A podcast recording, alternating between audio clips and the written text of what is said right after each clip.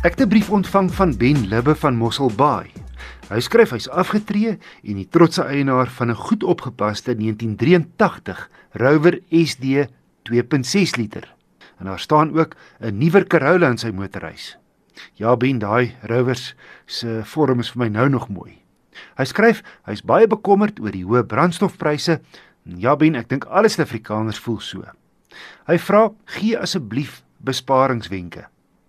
Ek gaan kers opsteek by 'n kenner as dit kom by die meganika van 'n voertuig en iemand wat altyd bereid is om te help wanneer ek aanklop om raad. Nicolou, hy's die tegniese redakteur van die tydskrif Car.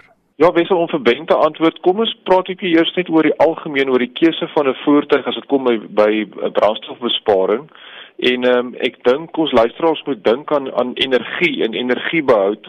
Ehm um, natuurlik as jy 'n swaar voertuig moet beweeg, dan gaan jy meer energie nodig hê en as jy hom vinnig wil beweeg, dan jy nog meer energie nodig. En dieselfde beginsel geld wanneer dit by voertuie kom. So as jy kyk na 'n nuwe voertuig en jy dink aan brandstofbesparing, kyk dan na jou voertuig wat klein is nommer 1 en wat lig is en dan gaan hy teen teen ook 'n klein enjin hê en dit gaan alles vir jou help om minder brandstof te gebruik want ons minder energie nodig om daai voertuig rond te beweeg. En dan oor die algemeen as ons praat dan is diesel engines ook meer brandstofekonomies as petrol engines. Daar's heelwat redes daarvoor wat ons nie nou gaan ingaan nie. Ehm um, dan wil ek net sê vir Ben as jy nou klaar 'n voertuig het wat hy nou het en hy gaan nie nou 'n nuwe een koop nie, dan sal ook natuurlik 'n paar goed wat hy kan doen om te verseker dat daai voertuig gaan vir hom die optimale brandstofverbruik gee. Uh eerstens moet jy nou natuurlik verseker dat jou voertuig volledig voorsien is volgens die vervaardiger se skedule en uh, dit beteken dan jy het al die filters, jou vonkproppe, so as dit 'n petrolvoertuig is, al die die olie is nuut en so aan. Dat jy kan seker maak dat hy loop optimaal vir hoe hy nou is. En dan natuurlik banddrukke is baie belangrik want dit beïnvloed jou rolweerstand. So kyk sommer of jou bande in 'n goeie toestand is, maar maak seker dat die banddrukke is weer eens volgens die vervaardiger se standaarde.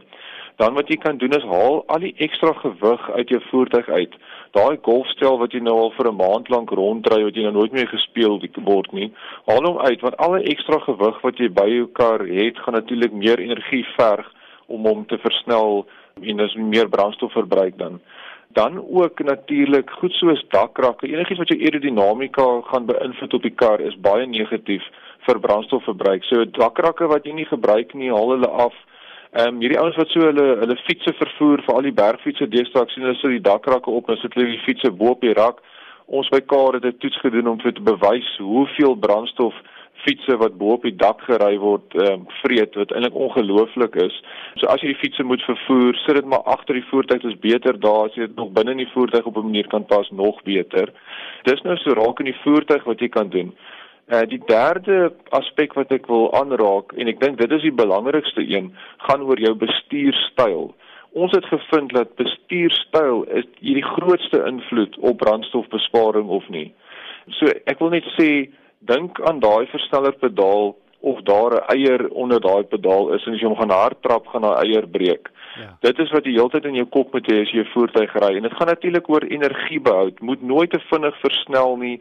Ook moet nooit hard probeer rem nie. Mense vergeet baie keer dat om hard te rem is eintlik ook 'n groot mors van energie want nou moet jy weer daai voertuig versnel tot op daai snelheid waar jy was. Ja. So probeer vooruitkyk, probeer die omstandighede lees, kyk wanneer daai verkeerslig gaan rooi slaan en begin al van ver af jou spoed verminder eerder as om net die remme aan te slaan op nommer 99. Dit is 'n baie groot mors van energie.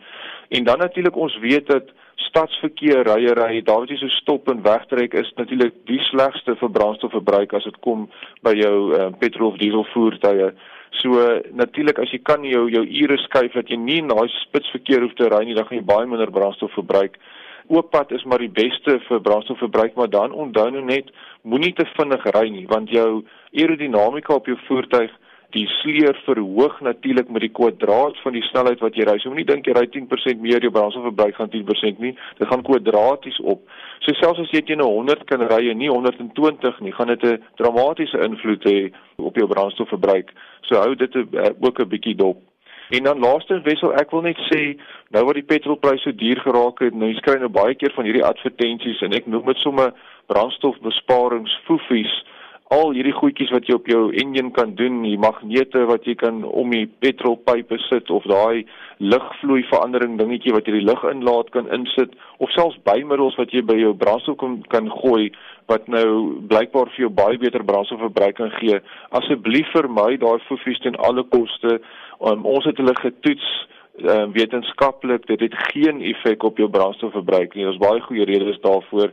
Ehm uh, maar ja, hou maar jou geld eerder veilig uh, vir die brandstof self en moenie op hierdie foefie spandeer nie.